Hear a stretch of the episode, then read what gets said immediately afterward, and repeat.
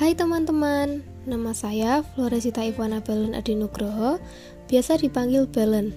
Di sini saya akan membahas tentang mengapa musik yang diturunkan dari generasi ke generasi bisa menjadi identitas budaya suatu daerah.